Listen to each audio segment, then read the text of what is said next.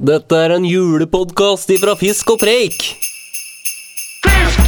Se der, det vaker masse vakne fisker. I hvert fall to-tre Det stykker. er, det er noe annet enn i Norge. ikke sant? Her er en liten fisk. Det er en fisk under to kilo.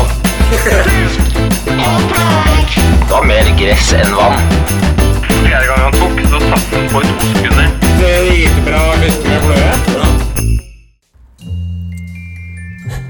Hei. Ja, der er de, ja. Det dukker stadig opp. Har du sett på makan så mørkt det er blitt de siste dagene? Ja, jeg så henne det samme hjem. Gløtta innom gardinen i dag morges. Nei, makan, sa jeg til meg sjøl. Nå er det faen meg lenge siden neste vak i marka. Det er bare å sette seg foran pinnestikka og filosofere over hva ørreten skal ete til middag i juni. Forbanna hele vinteren. Korona, mørkt og trist. På denne tida av året skal man jo egentlig forberede seg til neste New Zealand-tur. Men nei da, ikke på denne karen. Så, så da tenker jeg for meg sjøl, hva skal han gjøre, da? Jeg prøver å lese litt magasiner, YouTube og andre gøyale greier, da. Men jeg sitter med en lita klump i magen. Litt trøst er jo å shoppe på dette internettet. Dubbing og nakker, men det blir liksom aldri det helt det samme. Men én ting er jaggu sikkert. Jula nærmer seg. Ja, det er jo litt koselig det, da. Bake små ørreter og svære gjedder og andre godsaker. Ja ja, du får sette deg tilbake, da. Her kommer denne julens juleepisode. Ja, god jul, da. God jul. Lasse! God jul.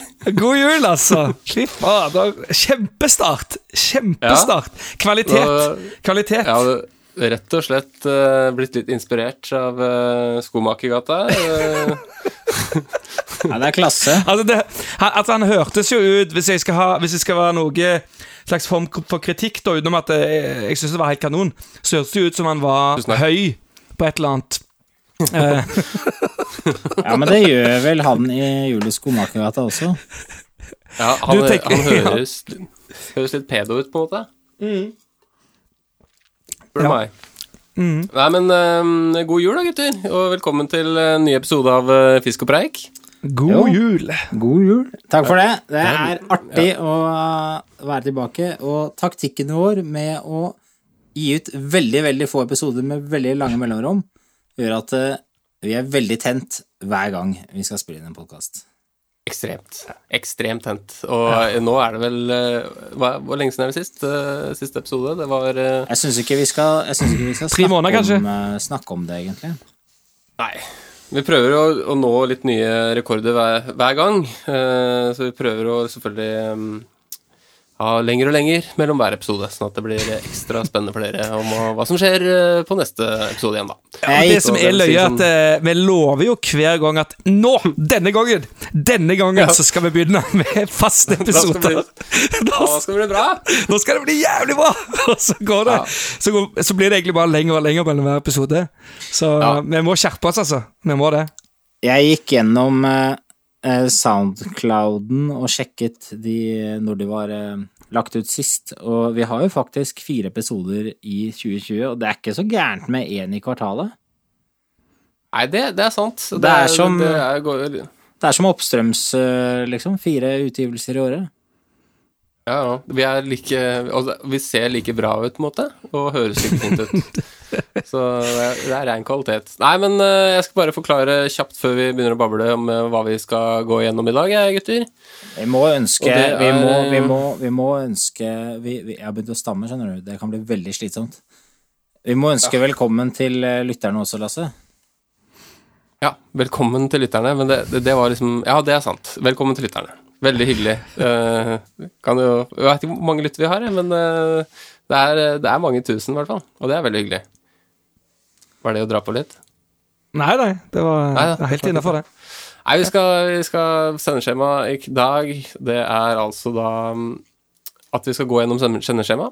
Er det, står det et punkt der? Og så skal vi ha hva som har skjedd siden sist, uh, som vi alltid har. Og så i dag så har vi Tobias sin faktaspalte. Den er jo alltid, alltid fin. Um, veldig spent på hvilke dyr du har, i, har med i dag, Tobias. Ja, det kan være hva som helst. Mhm. Og så har vi eh, da lyttespørsmål. Um, muligens før lyttespørs... Nei, etter lyttespørsmål så har vi helt Johan. Eh, og til slutt så har vi en helt ny spalte som ingen av oss veit hva er for noe, men den uh, utenom Tobias, for han har uh, laget en ny spalte som heter Tobias sin korte spalte. Den er jeg utrolig spent på selv. Jeg er usikker på om den vil fungere, og det, det krever nok litt sånn um, teaterferdigheter. Eller sånn um, Hva heter det? Sånn Sånn Akkurat det du eh, ikke klarer nå. Tenke raskt på foten. Vær liksom Ja, det ser dårlig ut. Det ser veldig dårlig ut. Vi får se hvordan det går. dårlig. Vi får se hvordan det går.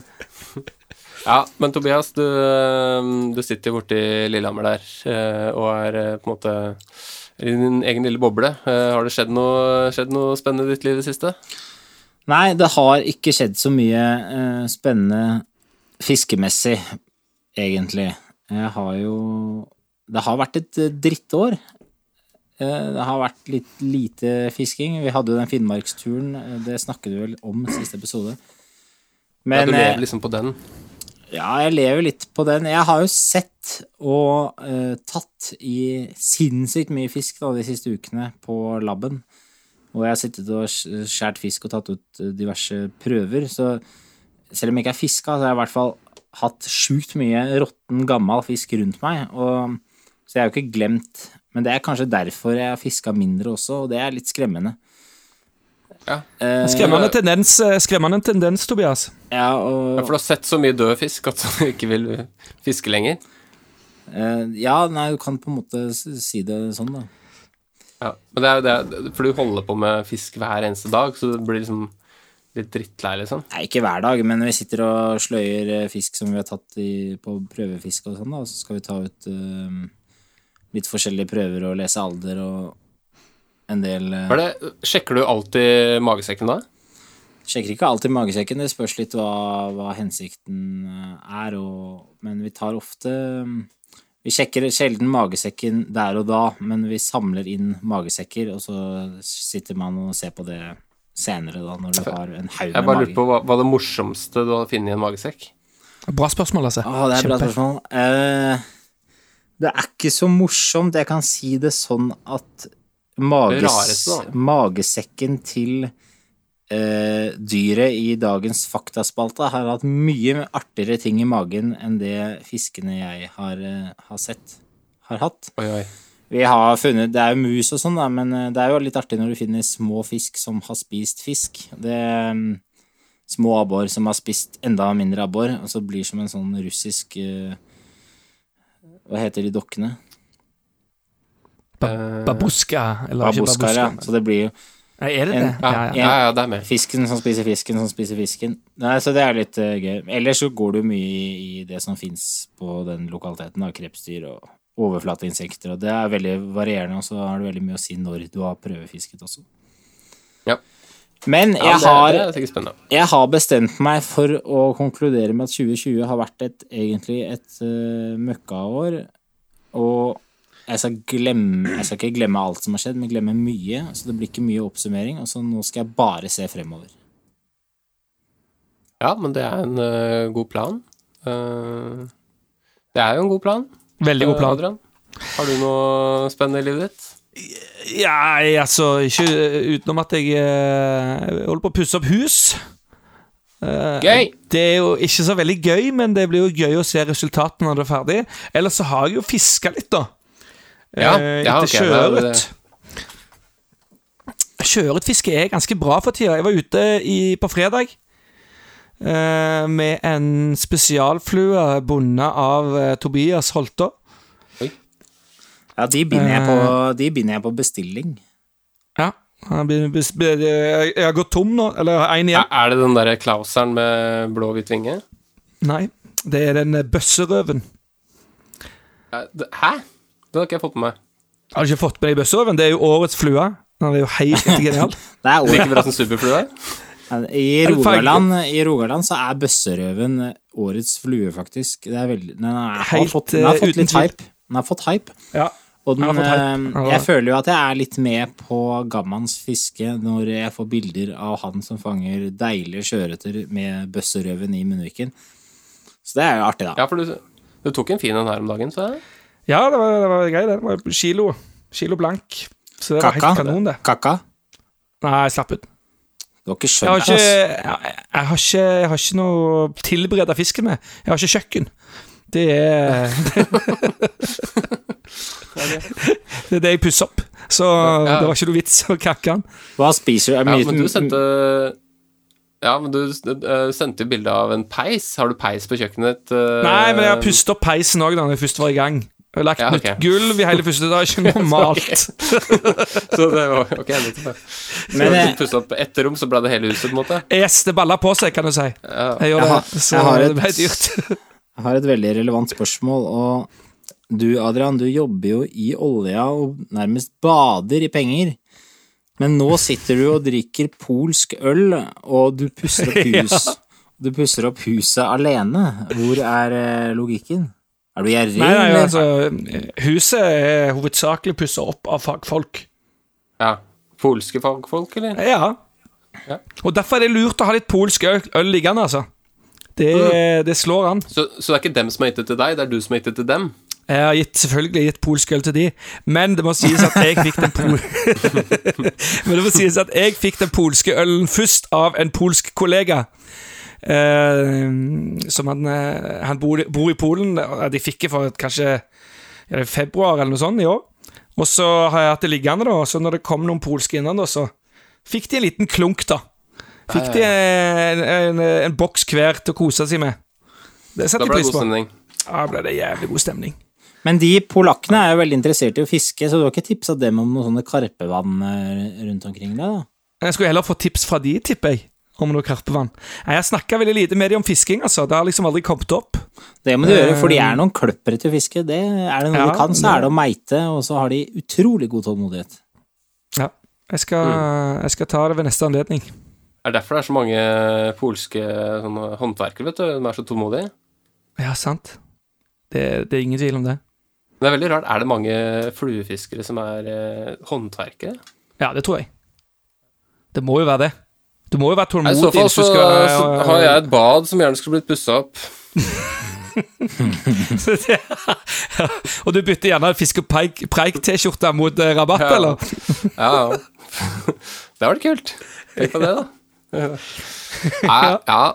Eller noe hemmelig vann. Noe hemmelig vann mot Ja, Hemmeligvann, det kan jeg dele. Det kan jeg gjøre, faktisk. Ja, det er veldig det- bra til Nordmarka. det- er svær fisk. Jeg tror, jeg tror det er eh, Jeg tror det er snitt på 1,5, kanskje. Så hvis du er en eh, rørlegger eller eh, elektriker eller en entreprenør av noe slag, eh, ta kontakt med Lasse, så får du noe hemmelig vann i bytte mot eh, rabatt. Nei, først og fremst vasken som jeg må bytte. Ja, da er det rørlegger, da. Hvis det er noen vaskeeksperter der. Noen vaske ekte eksperter. Vaskeekte Du, eksperter. den var tørr, Tobias! Skal du bli far? Nei, det er ikke noe noe på gang, altså. Nei. Men da kan vi jo bare skli rett videre til Lasse, da. Hva har skjedd siden sist? Jeg har blitt far. Ja, det er ikke noe å hoppe i taket av, kan jeg bare si med en gang. Det er oppskrytte greier. Det er det kjedeligste jeg har vært borti i hele mitt liv. Det er så, det er så sjukt å si, det. Ja, det her var kødd. Han var spillekul. Han syntes det er drit... Han satt jo og grein og uh, Ja, hele pakken. Ja, ja, det er helt riktig. Var- For nå var livet over, tenkte jeg. Da har du blitt en sånn, liksom. Det er det dummeste jeg har vært med på. Fy fader.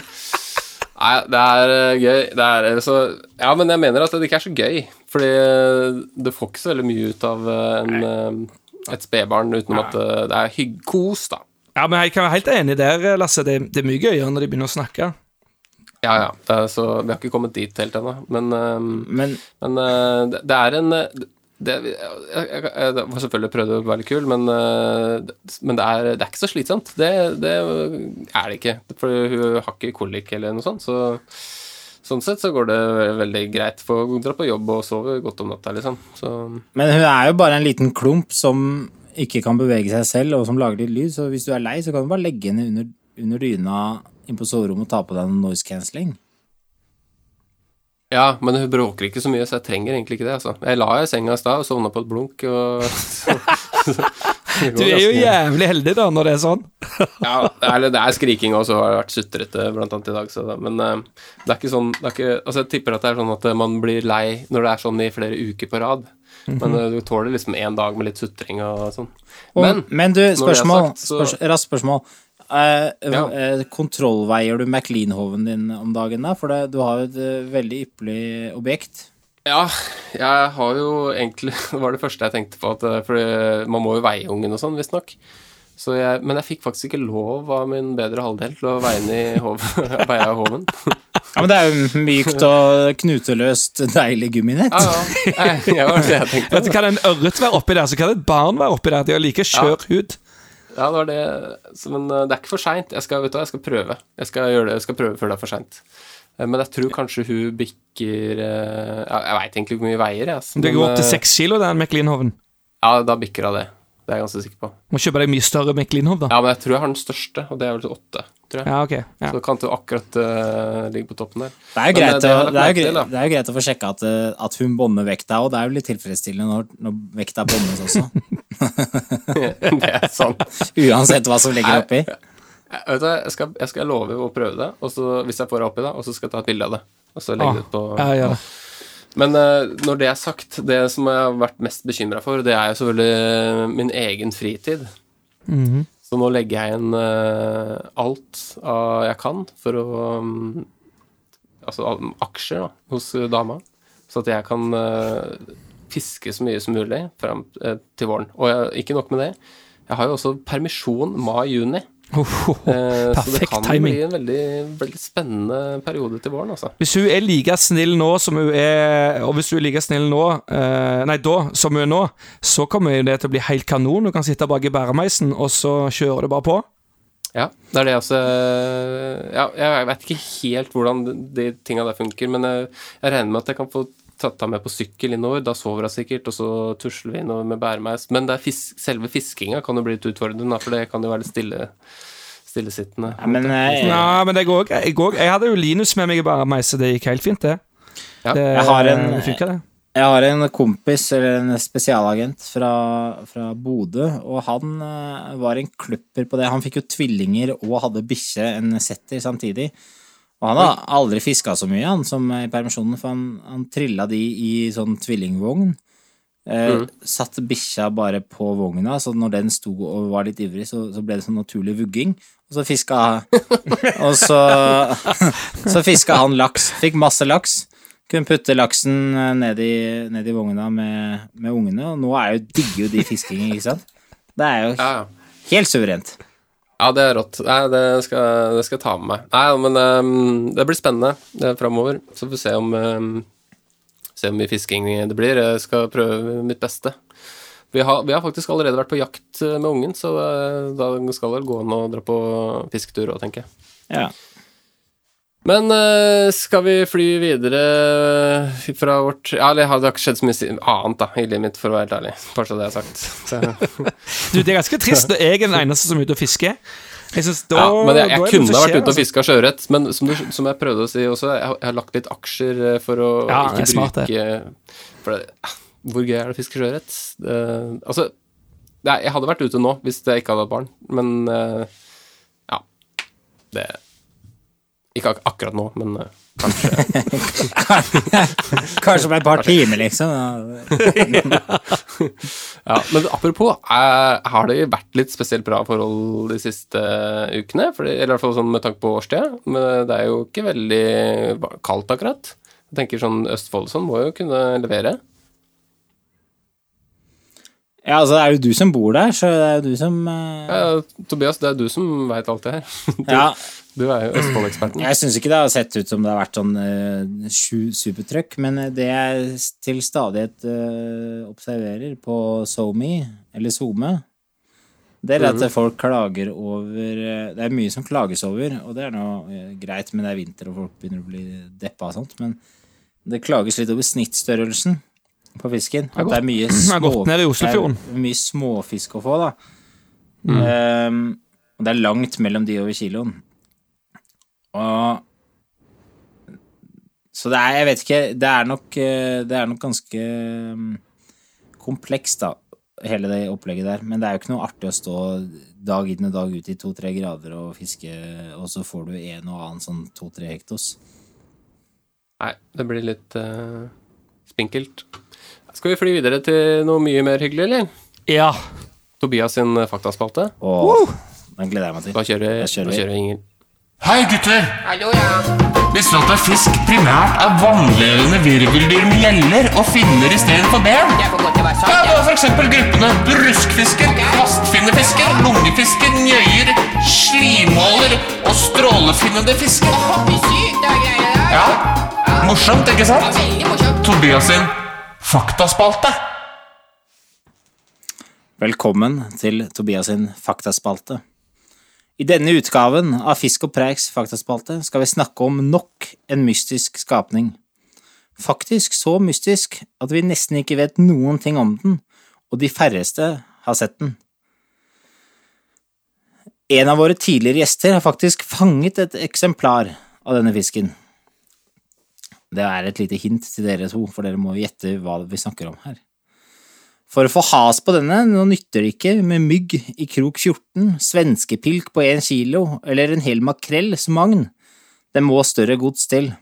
Gjerne kjetting eller vaier som fortom, og noe stort og dødt som agn. En daud grevling er sikkert godt egnet.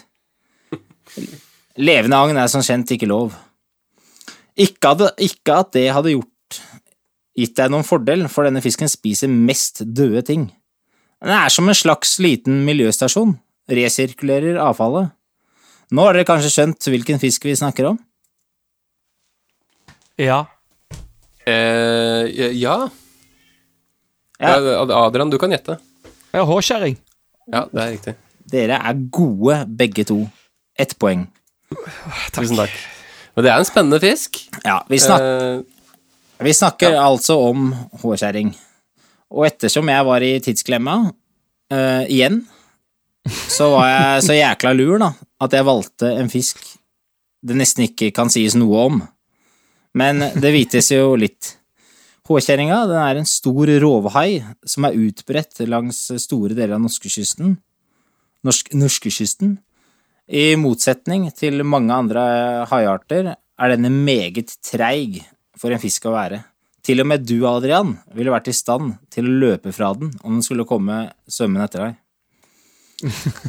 Den spiser så å si alt den får tak i, og det er funnet rester av, hold dere fast, hest, reinsdyr og sel i magen på noen individer. Og en artig hypotese er at de svømmer rolig opp fra dypet i mørkets frembrudd og snapper sovende sel i overflaten og langs skjæra. Og reinsdyr, da, eller? og hester. Kanskje en hest og et reinsdyr også. Jeg må ærlig talt si at jeg synes synd på hårskjæringa. Den er tross alt en hai, og som hai så har du neppe mange venner nede i dypet. For de lever i mørket, på flere hundre meters dyp. Eh, Og det at de kan bli svært gamle, minst 100 år, og trolig flere hundre år gamle, gjør ikke saken noe bedre. Tenk deg at du skal bo alene nede i svarte natta i flere hundre år uten en eneste venn, og i tillegg har du kanskje en parasitt eller to som sitter på øyet ditt, så du ikke ser en dritt heller. Det må jo være oppskriften på ensomhet. Hadde jeg vært hårskjæring, hadde jeg hatt ett ønske til jul, å bli fisket opp slik at leveren min kunne blitt brukt til tranproduksjon og lampeolje. Og til slutt, hvis noen av dere lyttere vil lese en ganske artig bok om denne mystiske skapningen, og en historie om den, så vil jeg anbefale dere å kjøpe en bok som heter Havboka. Og den er for øvrig på salg nå til 125 spenn hos diverse bokforretninger. Takk for meg. Det var ikke reklame, det må vi òg nevne. Men veldig bra. Ja, det kan godt ha vært reklame. Ja, men da må vi si fra, Hvis du har fått spons, Tobias, så må må du si ifra. Da må du si hashtag reklame. Eller jeg skal ikke bli busta av Mats Hansen her med Altså, det er det verste som kan skje, altså. Du har ikke blitt sponsa, Tobias? Nei, Det er godt det ikke er videoblogg eh, eller videopodkast, Fordi da er det ingen som kan se hele stabelen med havboka jeg har bak meg. Bilder av havabbor, nei, havabbor, påkjæring på veggen og Men eh, jeg, jeg må jo bare si, den gjesten som var innom, det er jo, han har jo eh, Han har fiska Han har verdensrekord i hårskjæring, og han har fiska verdens annet største fisk. Det er ingen ringere enn Asgeir Alvestad. Ja, og det, Ja. han har en ganske vill portefølje, for han har nemlig fanget Det er den største fisken han har fått, og den veide vel De estimerte den, estimerte den til over ett tonn. Ja, 1,1, tror jeg. Ja. Og som han sa vel også det i podkasten, at den minste fisken han har fisket, det var en krok 36 og et rognkorn fra reke. Og den veide Hva veide den? Eh, Fire milligram, eller noe, jeg, jeg skjønner Han må jo ha sånn narkotikavekt for å veie fisken, ikke sant? Det er så smått. Så Nei, Men har ikke også han Cato Bekkevold uh, fiska hårkjerring? Jo, det er, ja, men det er nå en, en del som Apropos gjest. Ja, Det er mulig. det er mulig Kanskje vi må få inn Cato Bekkevold igjen for å høre med han. Det kan godt Ja. Det er godt på, øh, god unnskyldning for å invitere ham, vet du. Veldig Men har dere, har dere lyst til å fiske hårkjerring? Um, ja, det kunne jo vært litt interessant, da. Uh, jeg tror det hadde vært sånn én gang, uh, i så fall. Men Men ikke noe Men Si det har at- vært, jeg har vært morsomt å sett den i live, liksom. Si at du har 250 meter med ganske kraftig gelspun-backing på snella di. Så agner du opp en eh, krok med et halvt rådyr, og så prøver du etter beste evne å kaste dette med fluestanga ut fra båten. eh, og så bare mender du eh, hele, dri hele he, Mender du hele snella ned på dypet, og så er det bare å vente. Og da, da kan du Det er faktisk mulig å, å få håkjerring Ja, på men det er ikke så langt ifra Jeg har, eh, kjenner en eller har fiska med en svenske som heter Peter Aleksandersson eh, for mange år siden da jeg begynte å fiske. Da har jeg begynt å fiske. Eh, og han uh, snakka om at han eh, dro til Lofoten og fiska kveite. Ikke de små kveitene, men også de voksne kveitene. Var med på sånne guida turer. da Alle andre fiska med Jeg vet ikke hva han fisker med, men eh, tungt utstyr. da Men han, han, var, han er fluefisker, så han hadde eh, det tyngste utstyret det gikk an å få, og synkeliner. Og fisk, fikk faktisk kveite da på flueutstyr. det tyngste lina du får tak i. og alt sånt. Dorga, da. Ja, det er juks. Torgeir, ja. Må kaste. Ja, men, ja, men han kasta jo sikkert ut. Men han gjorde det. Ja, det var i hvert fall det jeg husker han sa. At han hadde fått eh, kveite med, med, et, eh, med et sånt oppsett. da Hvor mange kveiter har dere fått på flue? Null. Ingen. eh, ingen. Hvor mange har jeg fått på flue? Du, du har i hvert fall fått én, vet jeg. To har jeg fått fra land. Ja, det er ganske, Men det er sånn babykveite. Med intermediate-snøre. Ja ja, men like, babykveite de var jo de var, de var Jeg tror den nesten var samme kveita, selv om det var to forskjellige plasser. Det var helt like. 1,6 kilo. Du vet de der kveitegutta, vet du, de som, er, eh, de som fisker de svære, de er litt irritert på sånne som deg, for de mener at eh, det er yngel. Ja. Eh, Så du, du, du fisker på de, de oppvekststedene, da. Der burde egentlig vært freda. ja, men jeg fiska Ja, én ting hadde vært hvis jeg fisket målrettet etter kveite. Det, det, det det kan sant. jeg være enig i. Men jeg står jo og stripper en klauser på en halvmeter under overflaten etter sjøørret, eh, Ja, det er greit, det. Så, så, men jeg har fått to kveiter fra land på flue, og det er det jaggu ikke mange som har fått. det er kult. Det er morsomt. Det er veldig kult. Er det mer du har å tilføre om håkjerringer, eller, Tobias? Nei, ja, det er jo ikke så mye å si om den håkjerringa, men det som fascinerer meg veldig, det er at man ikke helt vet hvor gammel den kan bli, og jeg tror de sliter Jeg vet ikke helt, men jeg, jeg tror at de forsk forskerne som forsker på den, sliter litt med å aldersbestemme de. Men det sies jo at de Jeg tror kanskje også det er litt uh, sprik da i meninger, men hvis, hvis de kan bli flere hundre år gamle, gamle da, si at de kan bli 400-500 år gamle, da er de, da er de De er gamle, ass. Ja, det det er den gamle. Hva skjedde, hva skjedde i Norge for 400 år siden? Men, men Ja, hvorfor kan man ikke finne ut av det? Akkurat som en, eh, Kan man ikke finne ut av veldig mye om en ørret med å kakke den i huet og ta den steinen oppi skallen på den? Jo da, og en ung, en ung fisk, en ung laksefisk, den kan du jo lese Der kan du få mye informasjon bare ut ifra skjellet, ikke sant? Men på et, på et tidspunkt så stopper fisken å vokse, eller den vokser veldig lite. Og når det skjer, så øh, Når det skjer, så mm, er det vanskelig å se hva som har skjedd videre i livet. Og hvis en Ja. fisk er 400 år gammel, så det er ikke sikkert det er noen struktur på den hårskjæringa som er veldig godt egnet. Det er jo en hai, så det er jo en bruskfisk. Eh, og det er ikke sikkert det er, det er, det er noe på den hårskjæringen som er veldig godt egnet. Det er sikkert, må sikkert bruke genetikk. Så det, er- det er, en, eh, det er forklaringa, rett og slett. Nei, absolutt ikke noe Helt sikkert ikke riktig forklaring, men det er en eh, Nei, det er, det er likevel en uh, forklaring. Jeg vet ikke hva de bruker jeg, for å aldersbestemme hårskjæring, men uh, Men jeg, jeg tror takk for innføringa di, i hvert fall, uh, Tobias. Det var, Ja. det var gøy. Men til, gang. men til dere også så vil jeg anbefale å lese den havboka. Veldig artig historie om to karer Ja, som skal fange håndkjerring. Ja, ok. Ja. Da, da, ja, da skal jeg gå inn og kjøpe den, ja. Ja, billig, billig. 125 kroner. Billig, spørsmål. Hei, i fisk og preik. Oh, lite spørsmål. Oh, yeah. I fisk og preik. Aha, ja, det er lite spørsmål. Hei, i fisk og preik. Ja det er lite spørsmål. Oh, i fisk og preik. Lite spørsmål i fisk og preik. Billy, Billy. My Billy. Den satt. Nei, men uh, uh, Litt spørsmål, gutter. Uh, Ja, ja, ja, ja. Vi, har jo, vi har jo noen trofaste lyttere, og det, det er veldig hyggelig. Vi, ja, det er veldig sjelden vi kommer ut med episoder, men vi legger jo merke til at det stadig blir etterlyst episoder i diverse fora på internett. Så det kan hende, hvis dere maser nok, så kanskje vi blir flinkere til å ha en kontinuitet i denne fantastiske podkasten. men nå er det litt spørsmål. Ja, Skal vi ta et med en gang, da? Fra Den her kom Ja, vi må ha jingel, ingel, da. Vi må ha jingel. Ja, den, eh, den kom. Du, du hørte ingelen? Nei, spill den igjen, da. Uh, du fikk den, ja.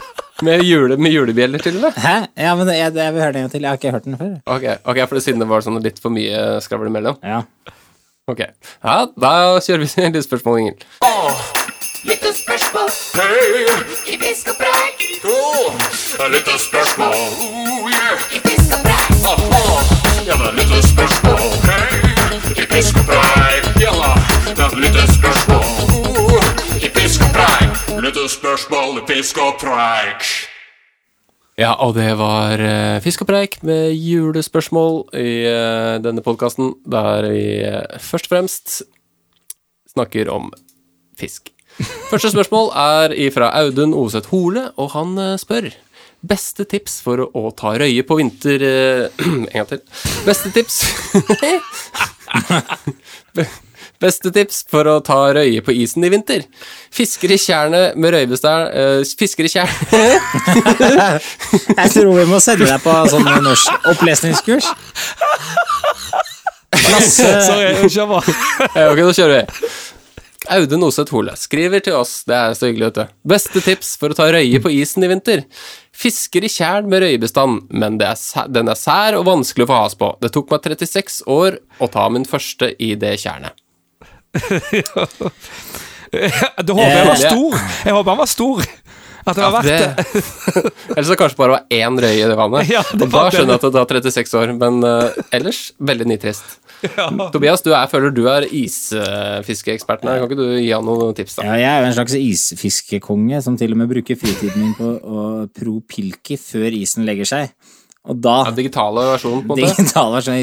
Positivt med det er at du slipper å gå ut når det er kaldt og jævlig. Altså. Men du blir til og med Når, du, når konkurransen på pro Pilke er eh, lakefiske midt i mørket, så blir man litt sånn Og så ser du at det er vind og fire minus, så blir det litt sånn Å, fy faen, skal jeg ut i det her? Og så sitter du egentlig i sofaen og koser deg. Jeg har eh, Har du, har, du, har du noen gang sittet hjemme og så bare du, Eller sånn, du skulle ut på tur, liksom pakka sekken dagen i forveien og satt på kaffen og, eller kakaoen og opp, klokka sju, og så ser du Åh, herregud, for et drittvær. Og så bare Ja, men jeg drar på tur allikevel, jeg, På Propil, liksom. Ja, det er- skjer stadig vekk, det.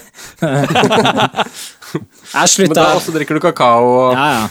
Så jeg kanskje tar en liten tur ut på terrassen bare for å få litt frisk luft, og så bare «Å, fy faen, ja, ja, ja», så gå inn Ja, og så sier, sier dama di sånn Oi, så frisk du var i Kina. Var du bra på fisketur? Bare ja, jeg var- jeg har vært ute i dag og Ja. Fiska masse, vant konkurransen og Nei, men jeg har, et, eh, jeg har faktisk et kremtips eh, til røyefiskeren. Det han først må finne ut av, det er om det er flere røye i det vannet. Når det tatt 36 år å få en fisk, så er du enten eh, dårlig til å fiske, fiska lite, eller så er det ikke mye røye i vannet. Nei, Eh, det kan det mulig være. Men dette kan du finne fort ut av hvis du skaffer deg litt lakserogn. Og så putter du lakserogna i en liten skål og rører inn litt salt. Deretter lager du sånne små kuler, eller ta, si en, du tar en spiseskje med lakserogn nedi en liten pose, og så legger du i fryseren, så lager du sånne små boller av lakserogn, og så bruker du de til å fôre opp hølet med. Og da kan jeg love deg at hvis det er røye i det vannet, så får du fisk. Da, da kommer de. Og rett og slett fòre opp uh, hølet med lakserogn. Ja, det er giftig, ass. Er det lov å si? Fôre opp hølet. Ja, men Gamman, det er, Det er det er forbedring fra deg, Gamman. Det tok akkurat 37 minutter før du ble vulgær i dag, og forrige, epi- forrige episode tok det to. Nei, men eh, jeg har, eh, jeg har faktisk eh, Jeg har ikke testa det selv, men jeg, har- jeg har hørt at det er jæ... Jeg har hørt at det er Jeg har hørt at det er, hørt at det er meget giftig. Men på Propilk fòrer dere hølet der òg? På Propilk så fôrer du ikke hølet, faktisk. Det er dårlig med Du har dårlig utstyrt, men du har ikke så mye fôr, altså. Dårlig utstyrt, Ja. lite fòr. Lite fôr. Men, ja, men det som er viktig Det er bare pilker dere, liksom. Ja, på. men hvis det er det som er viktig når du fisker på propilk etter lake på natta, så er det viktig å skru av hodelykten sin. Eller så kan du skremme fisken, for du lyser for mye ned i hullet. Ja, men det er jo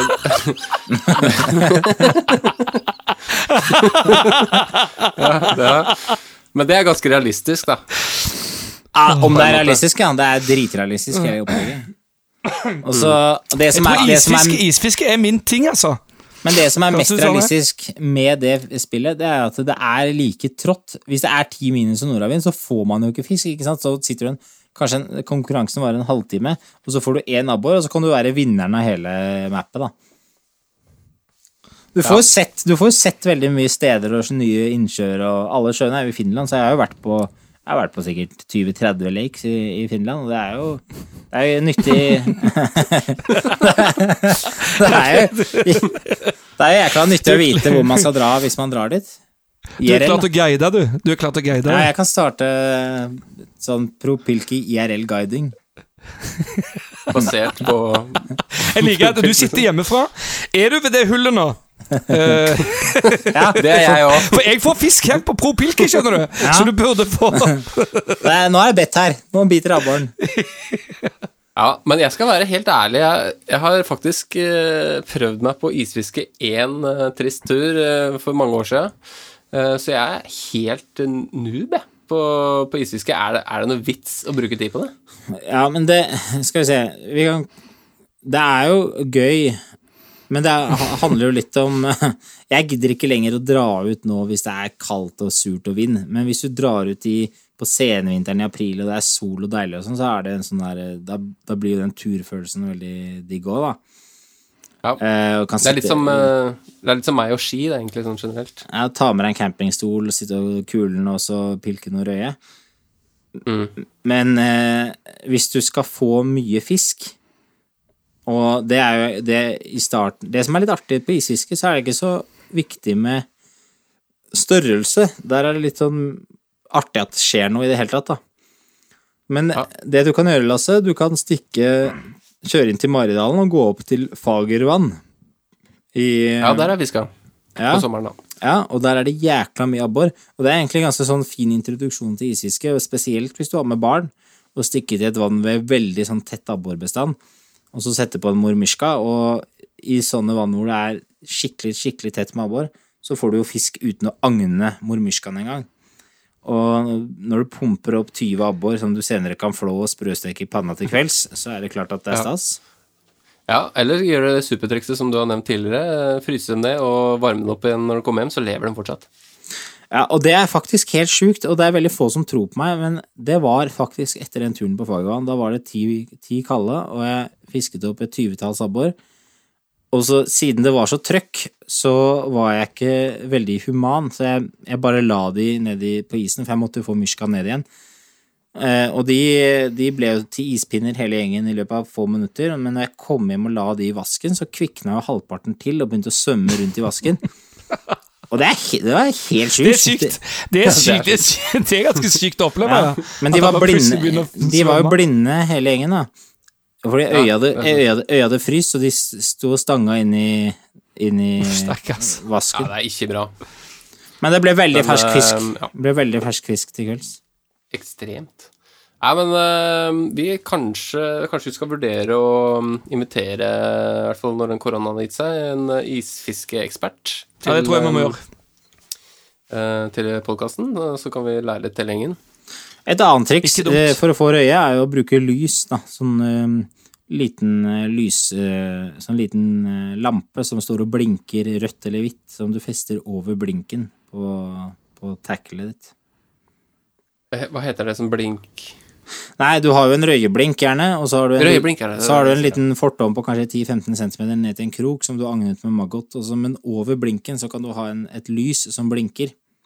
Ja, som spiser ikke selve blinken. Nei, blinken er bare for å lokke. Ja, ok. Interessant. Det kan jo hende noen rø- røyer spiser blinken også, men jeg har aldri opplevd.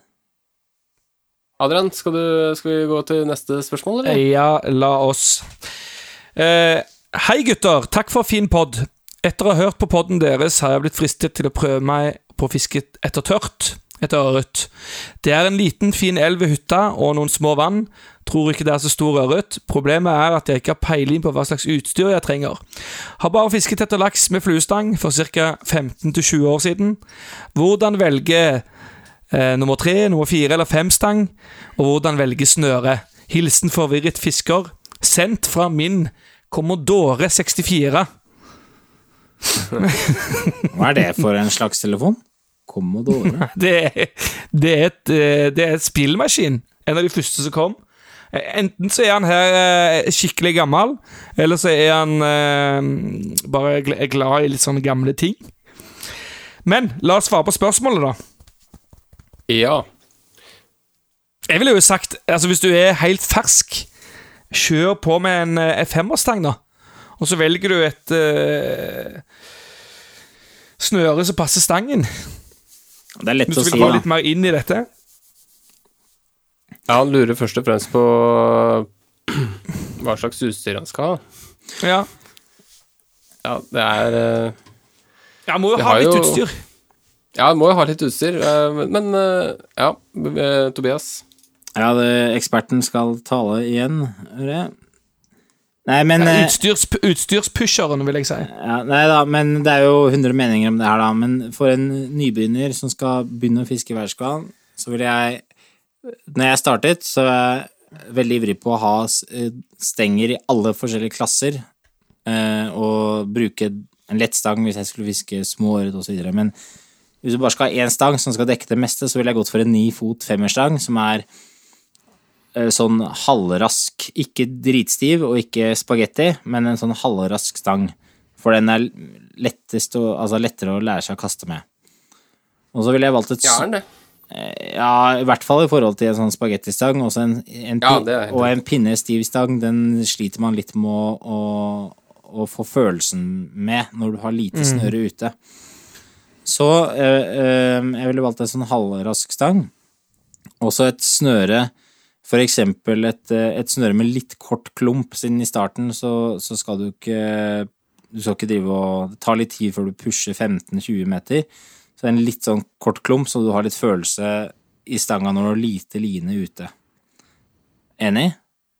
Ja, veldig ja, ja, ja. Ja. jeg- Som jeg skulle sagt det selv. Ja. Og så ville jeg sørget for at det snøret du kjøper, har en løkke i enden, for det gjør det litt lettere for deg.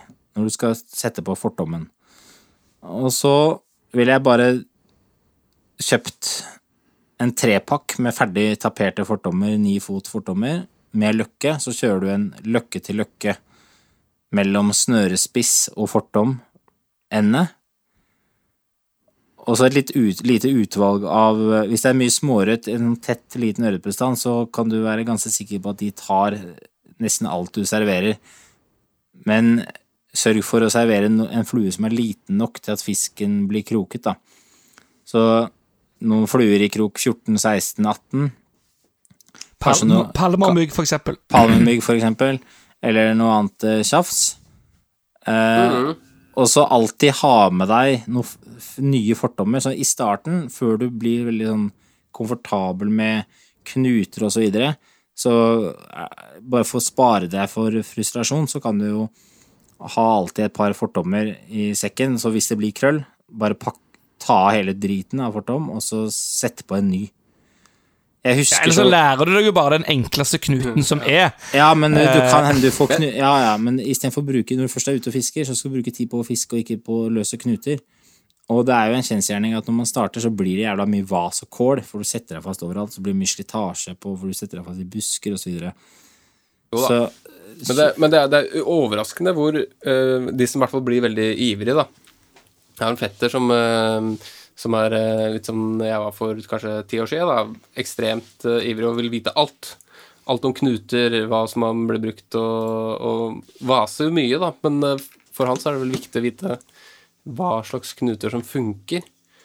Så jeg tenker det er greit å lære seg noen uh, solide knuter og overgangsknuter med en gang, så man uh, kan gjøre de tinga i felt. da. Hvis man f.eks. ikke har en fortom ekstra, så ja, Men men fortomsknuten er jo veldig Den er jo kjempeenkel. Det er Du den treng... enkleste knuten. ja. Jeg bruker to knuter. Jeg bruker to knuter når jeg fisker, og det er fordi fortommen fra fluesnøret til fortom går i løkke. Så er det ikke noe knute der. Og fra fortomsenden til spissen, som da er Du kjøper deg kanskje Si at du kjøper deg tre spoler, da. Med, Med tippet. eh, Med tippet. Altså, det er det du tar, it, det tar på etter fortommen. Den taperte fortommen. Ja. Og hvis den Fordelen her er jo at eh, du må sørge for at eh, den taperte fortommen Hvis enden av den taperte fortommen er altfor tykk, og du skal eh, tippe på noe som er veldig, veldig mye tynnere, så det er litt sånn problematisk uansett. Sånn at tipp på Kjøp deg en nifots fortom, og så tipper du på kanskje en meter. Og så det, kan du bytte den etter hvert. Men for å skjøte tippet og fortom, så bruker du kirurgknuten. Aldri røket en fisk. Nei, den er fin. den. Og så, Eh, Kjempefin. for å, Enkel. kny Enkel og fin. for å knyte på flua, så bruker du holterknuten. Det er min versjon av Det er min versjon av dobbel slueknute, og den er heller Ja, jeg bruker den faktisk. Jeg har aldri røket en fisk på den heller, og den er veldig lett. Da tar du en Men det vanlig er jo egentlig ikke en, det er jo egentlig ikke en, en dobbel uh, snukklute. Nei, Jeg det er, forenkla dobbelt Nei. sluknute. Ja. det er en holterknute. Ja, men du tar bare én gang gjennom eh, eh, ringen, hvis det er lov å si. Ja. Eh, en gang gjennom ringen Ja. på flua, så går du fem, eh, cirka fem, eh, fire til seks runder, litt avhengig av tykkelse på fortom, men si at du går fem ganger da, rundt lina, og da dannes det en løkke mot ringen. Så går du to ganger gjennom den løkka fra samme vei. Så strammer du til. Og så fukter du med spytt, Ja, og så strammer du sakte. Det er veldig viktig at du strammer sakte til. Sånn at knuta bare glir deilig på plass. Og den strammingen kan du godt gjøre mens du sitter med den eh, enden av, snø, av fortommespissen i kjeften. Men altså, det, hvis vi fusker inn, inn på, på knuter der altså, Jeg bruker den knuten sjøl. Du, du kalte den for storfiskknuten. Og etter, den så, etter det så har jeg aldri knuta på noe annet, egentlig, fordi Jeg føler det blir jeg, Altså, jeg bruker en annen knute på sjøørretfiske, det gjør jeg, men, eh, men det er en annen sak, da. Men på tørrfluefiske så bruker jeg den knuten. Eh, Men det er ikke en dobbel slukknute, fordi den, han går ikke dobbelt gjennom ringen på, eh, flue, på flua. Og, og da, da får du ikke den samme effekten som en dobbel Greit nok, det du gjør, du forhindrer at, at, at eh, fortommen, eller tippeten, glir ut. At den glir av.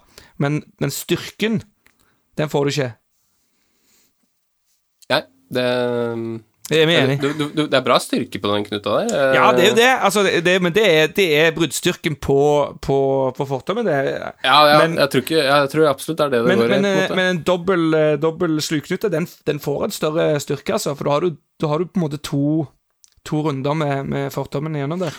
Ja, men du kan kjøre ja, hvis han, du hvis han, hvis han, hvis han skal fiske småørret i den bekken, så kan han egentlig, Ja, starte med en, eh, egentlig starte med en kjerringknute. En Ja, enkel- men ikke gjør det. Ikke gjør det. Nei, men du kan, du- du, enkel fiskeknute kan du starte med, egentlig. Ja. Men du merker det med en gang du kommer til uh, der folk begynner å fiske um, tropisk.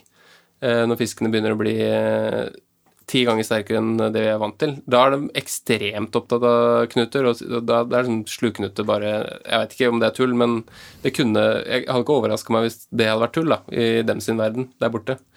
Eh, men da er det jo Da er det kroken kanskje som går først uansett. Ja, nei, men jeg har bundet eh, Jeg har fisket mye med holteknuten, og det er sjelden at det ryker noe der, ass.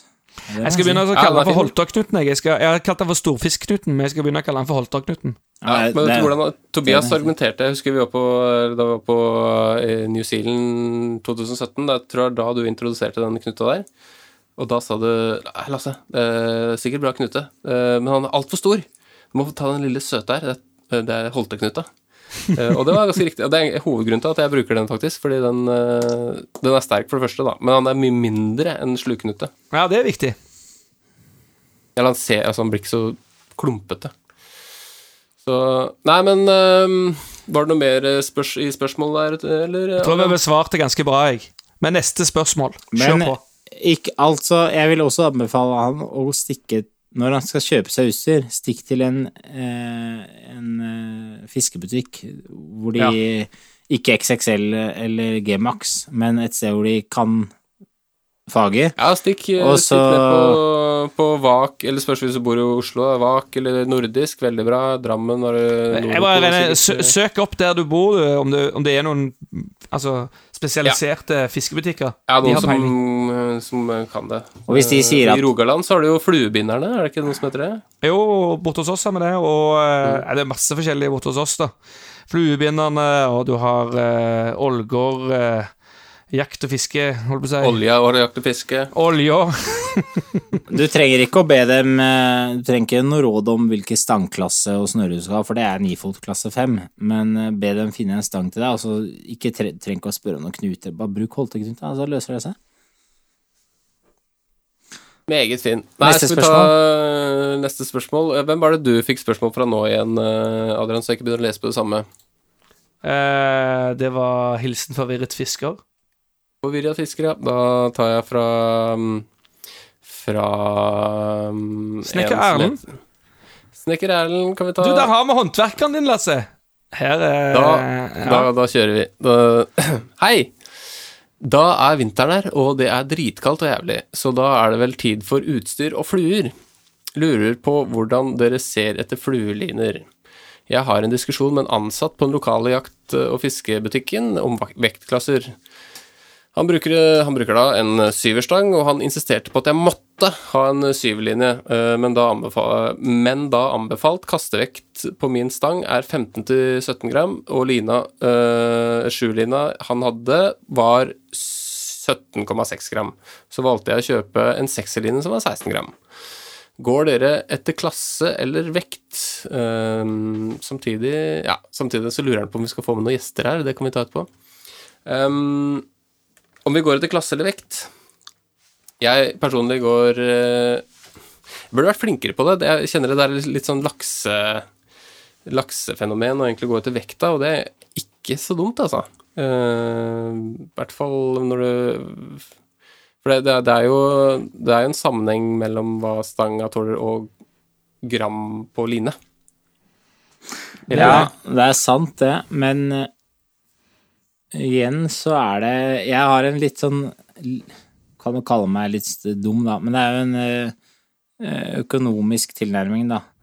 Og det gjør litt Hvis jeg skal ha en ny line til syverstangen, så gjør jeg litt research, og så finner jeg en line i den klassen som jeg skal ha. Jeg har en syverstang, da finner jeg som ofte Ja, da, da, da, da ser jeg som oftest etter syverlinjer. Og så, istedenfor å bry meg så veldig mye om vekt, så bryr jeg meg mye mer om tapering til linen.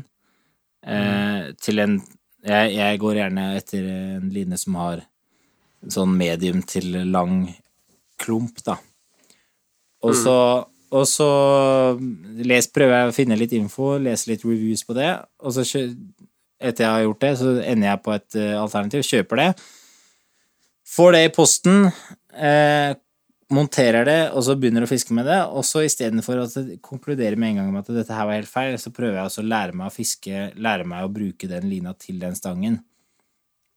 Sånn det, det, Ja, men det er ikke alltid det funker like bra. Ja, Um, jeg har aldri opplevd at det ikke Nei, jeg har faktisk, eh, jeg har faktisk opplevd, og jeg, kan, eh, og jeg har, har en egentlig ganske bra greie på erfaring med akkurat det med vekt, da.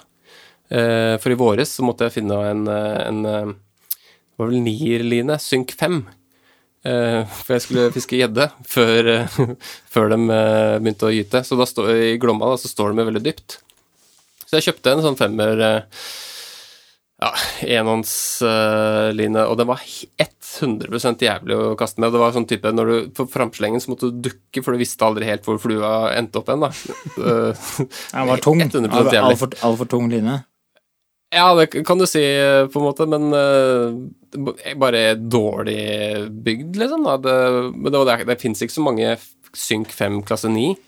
uh, Så da må du begynne å tenke litt, da. Så jeg spurte um, Kai, som er uh, veldig flink. Han sa at nei, men ja, det problemet der er kjent, eller han var kjent med det, så han sa men jeg har, har, har funnet en jækla bra erstatning for akkurat det der. Så han anbefalte meg å kjøpe en tohåndsline, en sånn lakseline, en klump, rett og slett. Og så, ja, og så må du ha var det 27 gram eller noe sånt.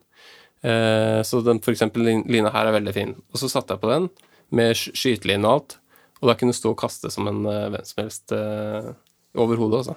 Og da, men da var det bare Poenget var at det var helt eh, perfekt eh, eh, balansert, da, med stang og, og, og vekt i klumpen. Eller, i jeg vet ikke om lina jeg er ikke helt sikker, men poenget er at det, ja, det var jo Man skulle ha på grammet akkurat det, da, for da funka det best, liksom. På, Kunne du speie òg? Eh, Speie med en Synk 5? Jeg vet ikke.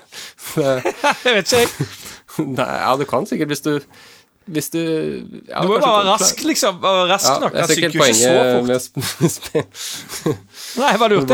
Det, er jo, det er jo en, et, en snøre som er lagd for å speie. Hvis det er tohåndssnøre, liksom, så skal det jo være lagd for å speie. Ja, sånn, ja. Ja, ikke sant. Ja, det, det prøvde jeg faktisk ikke. Men det, det, går, det går jo sikkert. Men det Men er, de- får ikke så mye trøkk i en, eh, en eh, enhånds på så tung Nei, for line. Nei, De, for kort, de, de klumpene er vel ganske korte, så med en 15-foter så får du sikkert løfta veldig mye mer av vekta ut av vannet, Ja, det gjør kanskje. nok det. Og så og så er jo et annet poeng at det, den klumpen der måtte du jo klasse da ned eh, hvis du skulle bruke den til tohånds. Eller altså du måtte klasse ned stanga, da. Ja. Så det var vel en syver tohånds.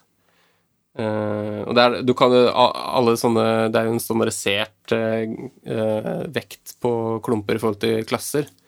Så det er ikke dumt, uh, hvis, spesielt hvis du skal hvis du skal noe spesialfiske, da, du trenger noe sånn som jeg trengte, da, jeg trengte en femmer synk, det er ikke så ofte man får i nier, da ville jeg absolutt anbefalt å gå etter, etter vekt, men når du f.eks. skal ha en femmer line til, eh, til eh, marka, så da finnes det så sykt mye bra, så da trenger du liksom ikke å Men jeg ville sjelden klasset ned. Jeg ville heller kanskje det er, altså Hvis du har en sånn super spagettistang, så kunne du kanskje klassa ned fra en klasse 5 til en klasse 4-line. da. Du har klasse 5-stang, og så kjøper du en litt en klasse 4-line. Men på en sånn medium rask til rask stang, så ville jeg vel sjelden klassa meg ned. Da ville jeg heller Ja, nei, enig i meg.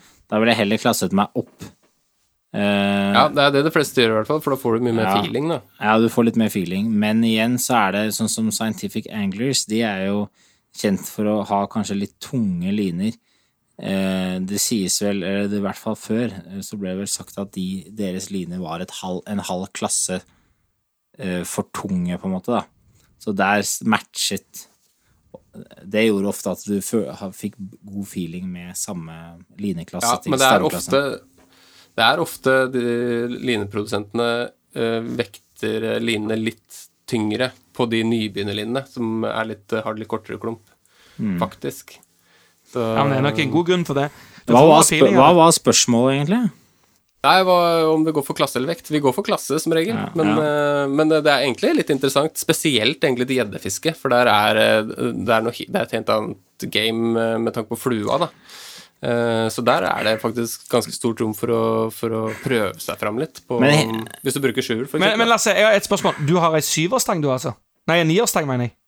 Ja, ja, nierstang, ja. Er det noe gærent i det? Nei, Men, det er ikke gærent. Jeg har en syver òg, men eh, he, Lasse, hele eh, Hele din da kaste med eh, Hva heter det for noe? Hele måten du kaster på, da, det, vil jo, det, har jo det endrer seg jo med en gang du bytter til det systemet du gjorde. ikke sant? Du valgte skyteklump med skyteline. Og på gjeddefiske, sånn som du fisket der, der handler det jo ikke om å presentere flua, det handler egentlig bare om å få raklet lengst mulig ut. Ja, men Og det det morsomme var at presentasjonen ble ganske fin, da, i forhold til den produsenten som faktisk mente de hadde laget en bra line. Ja, men det, der har du, når du står der med skyteklump og skyteline, så har du lite line i lufta, ikke sant? Sånn at stanga bærer den klumpen, og så er det bare å skyte driten ut. Det er riktig. Men på en vanlig weight forward eh, eller VF-line, så, så blir jo litt annerledes, da, for de er jo ofte konstruert for slik at du kan bære en Jeg syns jo ofte at en line med veldig kort klump, den er, den er jo god på speiing og vannkast, slik at du, du har god kontroll med lite line utenfor tuppen. En, men det er vanskelig, og det blir vinglete hvis du har 15 meter utenfor stangringene. Ja. Men hvis du skal presentere en tørrflue på 25 meter, så foretrekker jeg en, en line med en ganske lang klump. Men poenget er jo, prinsippet er jo egentlig akkurat det samme som på en lakseline. For du får jo Du, du har jo en klump i weight forward-lina di òg, men den er konstruert konstruert litt sånn at det er litt mer, litt mer spillerom, da. Du kan ikke stå med en, en, eh, en line som har eh, 11 meter klump med 25 meter ute uansett. For du har kanskje et overheng pluss fem meter, da, i beste fall. Hvis du eh, er skikkelig god. Overheng. Ja, det er når du har ut, heng, Når det er overheng. Nei, når, du, når klumpen henger utafor stangringene. Eh, det er overheng. Så hvis du f.eks. når du fisker laks, det er mye enklere å forklare der, så når klumpen henger en meter utafor stangringene, og det er én meter skyteline utafor, så har du én meter overheng. Jeg pleier ikke å ha så mye overheng, egentlig. Holde meg borte fra det. Nei, Poenget var egentlig bare prinsippet, prinsippet med en eh, weight forward-line og en klump er ganske likt, da. Eller tankegangen er veldig lik. Uh... Nei, men jeg tror vi må fise videre, som du sier. Ja, vi må jo det. Skal vi fise videre, da? Ja, ja, ja. Eh, eh, Adrian, har du lyst til å ta det siste Vi Skal vi ta ett spørsmål til, eller? Ja, Nei, ett til. vi er ferdige for i dag. Nei, så ett til. for. Ett til. Vi har ikke mer spørsmål. Er det så dårlig? Jo, vi har eh, Vi har et eh, Nei, ja, skal vi se Ja, for du Er det så dårlig med spørsmål? Nei, nei, Nei, vi har en til her. Vi har en Nei. til fra, fra en eh, som heter Joakim. Er, er dere klare? Ja. Ja. Um, Hei sann, er en gutt på 21 år uh, Eller, jeg tar den en gang til. Hei sann, er en 21 år gammel gutt som drømmer om en tur til New Zealand.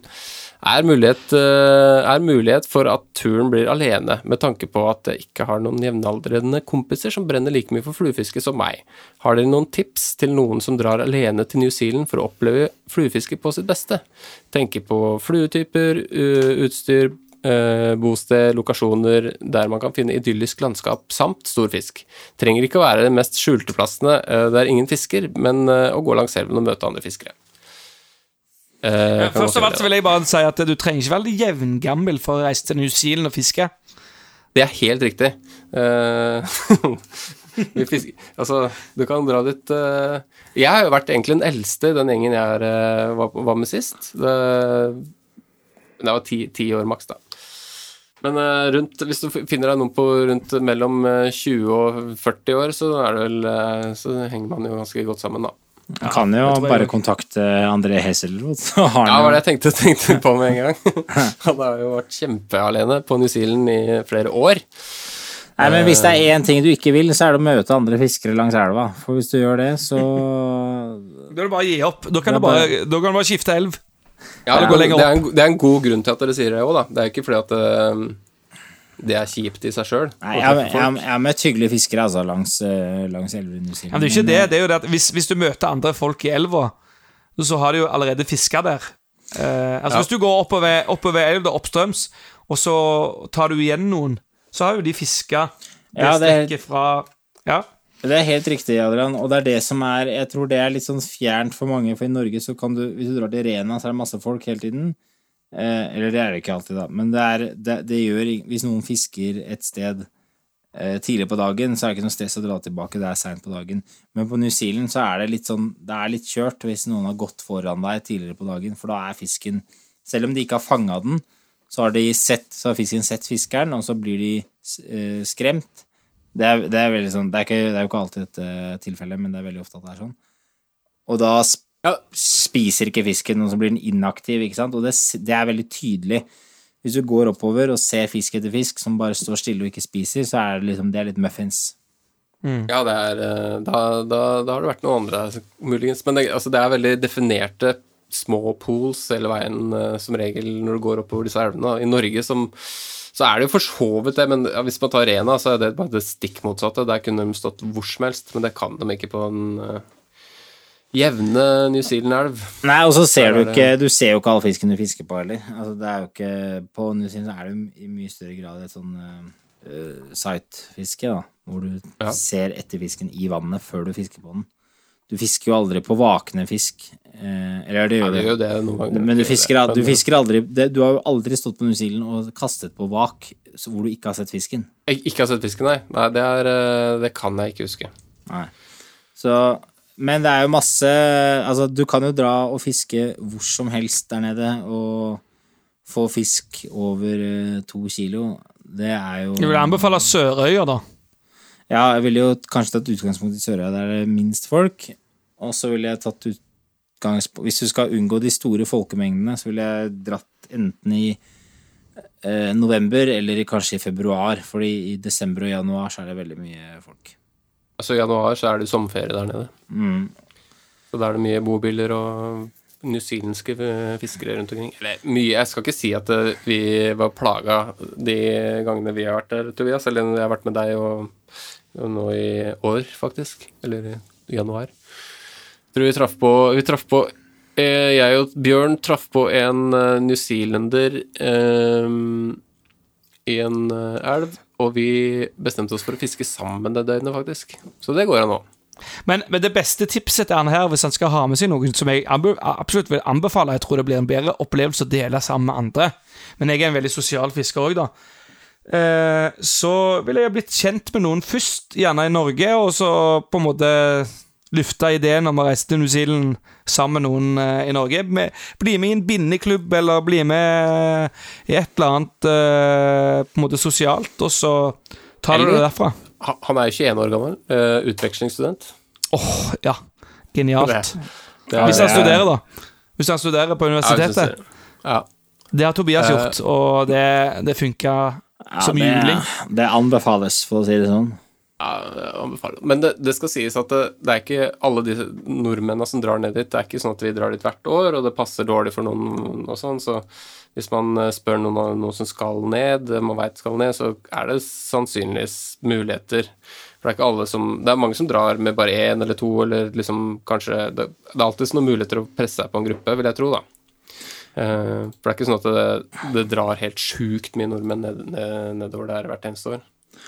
Men eh, bobil er for så vidt ikke så dumt, men eh, jeg ville heller kanskje satset på en litt høy leiebil og telt. Og det er litt greit å være obs på at det er ikke Sånn som i Norge, så kan du jo campe hvor du vil i utmark, men der nede er ikke det nødvendigvis tilfellet. Så nå er jo ikke det så ofte et problem for fiskere, fordi man er ikke i de turistområdene. Det er jo mye turister som går på fjellturer og skal se grotter og alt mulig rart. Og på sånne steder, spesielt rundt Queenstown for eksempel, hvor det er mye sånn trøkk fra turister, så er de veldig obs på Hvis du da finner deg en lomme langs veien og så slår opp teltet ditt, det er ikke, det er ikke lov, da. Eh, hvor som helst. Du skal holde deg til campingplasser og så videre. Men, eh, Men hvis du faktisk, faktisk drar ned, så, så send, en, eh, send en melding, så skal vi gi deg noen eh, campplasser eh, og noen elver, vi, så, eh, som, eh, som fisker. Ja, det må jeg gjøre. Og så spør du om fluetyper, kan bare si. Nymfer. Øh, generelt nymfer, veldig bra. Eller en øh, eh, Ja. Du kan bare kjøpe deg en sånn der New Zealand Strike Indicator med en gang, eh, for det kommer du til å trenge. Og så er det nymfer, og hvis du drar ned i sommermånedene, så trenger du egentlig ikke så mye døgnfluer, men litt caddis og noen sikader. Det er eh, ja, det er veldig fint. Det får du kjøpt deg der nede òg. Ja, det får ikke det er et helsike å binde, men eh, hvis du binder det sjøl, så fins det mye på YouTube. Men de tar villig døgnfluer der òg, altså. Så det er ikke Ja da. Ja da. Men de, den norske boksen, og så tilfører noen eh, nymfer og noen sikader, så er det der. jeg har inntrykk av at fisken ofte er eh, Så lenge du presentasjonen er bra, så er den ikke ofte så sær. Vi har opplevd sær fisk også, men hvis fisken er veldig eh, på spiseren, som vi sier, at den står og danser i vannet og snapper det som kommer, så, så handler det mye mer om presentasjonen enn hva du faktisk serverer den. Så En sånn vanlig fessentail i krok 14, for eksempel, det er jo ganske bankers. Gjerne det fessentail i litt forskjellige varianter, liksom. Det, det, og, som, og forskjellige tyngder. Veldig bra. fessentail, fisker grisebra. Grisebra. Grisebra. Grisebra. Ja, men det er deilig, er det ikke det? Jo. Det er grisedeilig. Um, skal vi rett og slett uh, lukke lyttespørsmålspalten for denne gangen, og ja, vi skal visst videre til en eh, spalte som eh, er helt ny, og mm, den eh, Jeg har faktisk lagd jingle til deg, Tobias, Oi, det er gøy. allerede. Er du klar? Jeg er klar. Da kjører vi den. Grisedeilig! Norges Jeg hørte- korteste ingel, men den er, den er grisedeilig, den. Ja, den er grisedeilig. Så nå er det mitt tid for mitt lille stikk, er det det? Ja, jeg aner ikke hva som kommer nå, så du får bare lede an. Vi skal nemlig eh, fremføre et lite radioteater, og dette blir veldig spennende. Tanken er at vi skal prøve å leve oss inn i noen roller. Eh, vi skal la det gå sin gang. Og settingen, den er satt. Og Lasse, du skal etterpå Ja, det, det hører jo lytterne, da, men det blir masse deilige lyder, sånn at det, det skal virke veldig autentisk. Altså, jeg må, jeg må, jeg må eh, legge på lyd i etterkant. Ja, det blir litt ekstraarbeid for deg, men det har du Ja, tid til nå, siden det er så kjedelig med ungen.